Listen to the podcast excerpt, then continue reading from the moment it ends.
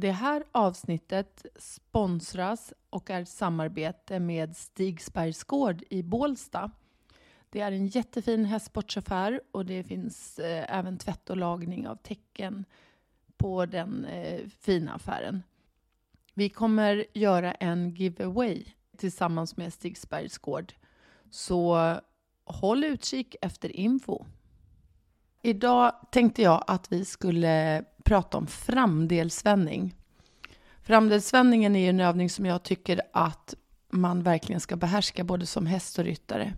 Och framdelsvändningen har ingen ursäkt. Den kan man göra precis var som helst. Du kommer till en framridning och det är jättetrångt. Du kan gå runt parkeringen i princip och göra dina framdelsvändningar. Du håller på med käpphästar. Du kan göra framdelsvändning med din käpphäst. Du eh, är ute i skogen, framdelsvändning runt ett träd eller i mossan eller på en grusväg. Eller naturligtvis på ridbana. Och framdelsvändning, vad är egentligen framdelsvändning? Det är ju lätt att blanda ihop, att man tänker framdelsvändning flyttar framben. Men ibland kan man tänka att man ska stå på frambenen.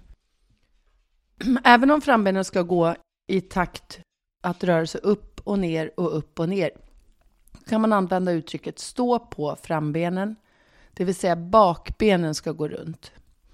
Hästen ska, när målet, när allting är uppnått, så ska hästen vara helt rak i kroppen, ställd i, till höger, alltså ifrån rörelseriktningen, för hästen går till vänster.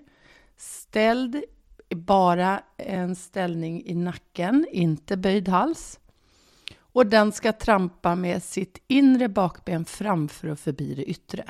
Och framhovarna ska stå och trampa upp och ner utan att korsas. Det är målbilden. Förr i tiden hade vi framdelsvändning på tävling. Det tog man bort. Så nu måste man träna det här fast det inte går att tävla i den. Och framdelsvändningen, den är lösgörande.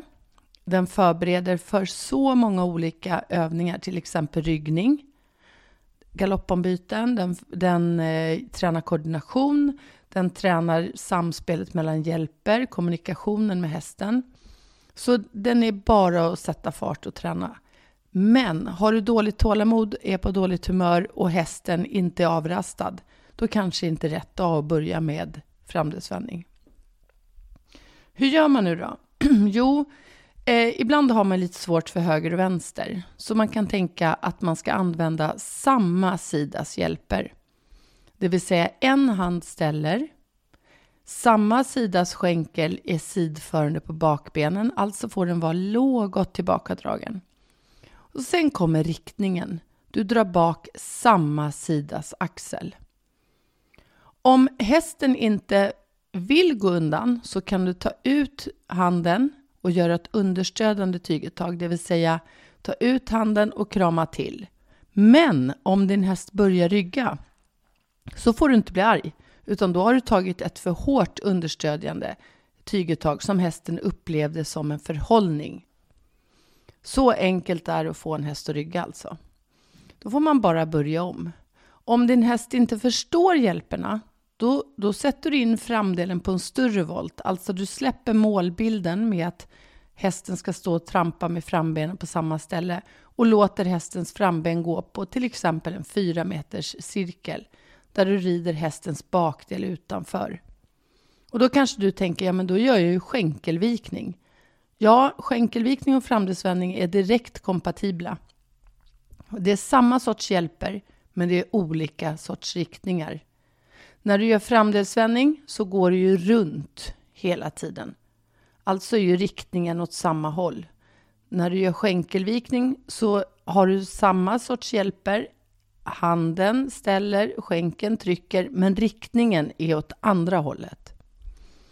Så när du nu gör din framdelsvändning och hästen svarar jättebra på skänken, då börjar du hålla emot lite mer med mothållande hjälper, alltså andra sidans hjälper. Så hästen blir lite rakare, hästen ser till att den bjuder kanske lite mer framåt och konstigt nog när den börjar bjuda lite mer framåt och förstå så börjar den helt plötsligt samla ihop sig lite till. Nu vill inte jag säga att framdelsvändning är samlande, för det är ju kanske inte riktigt korrekt.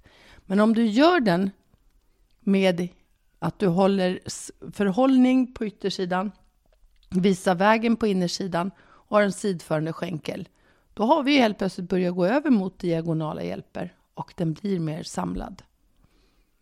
När du gör framdelsvändningen så när du går in i den, se till att steglängden inte är för lång. Och då kommer ju det här med skrittövningarna i ett av de första avsnitten. Att du verkligen kan få hästen att gå från ett långt skrittsteg till ett lite kortare. För om du går in i för snabb skritt, för lång skritt in i en framdelsvändning, då kommer du troligtvis uppleva och bli lite frustrerad över att hästen vänder för stort, att den blir för mycket böjd, att den inte trampar med inre bakbenet framför och förbi. Och det kan ha att göra med att skrittsteget är för långt.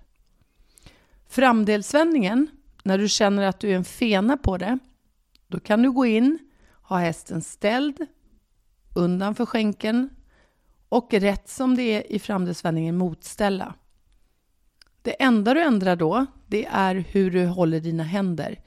Så att istället för att ha hästen ställd åt ena hållet så rätar du ut handleden på den handen och vrider om lill och ringfinger inåt uppåt på andra sidans hand.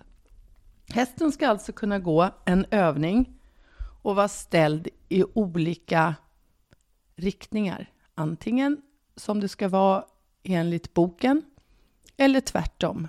Jag tycker ibland när man förstår en övning att det är jättebra att rida övningen tvärtomställd. Se till när du tränar framdusvändning att du gör lika mycket på båda sidor och se till att du också kan räta ut. Gå rakt fram när som helst under övningen. Och framförallt framdelsvändning. Tre, fyra stycken åt varje håll varje pass du rider. Det är så bra för hästen. Tack!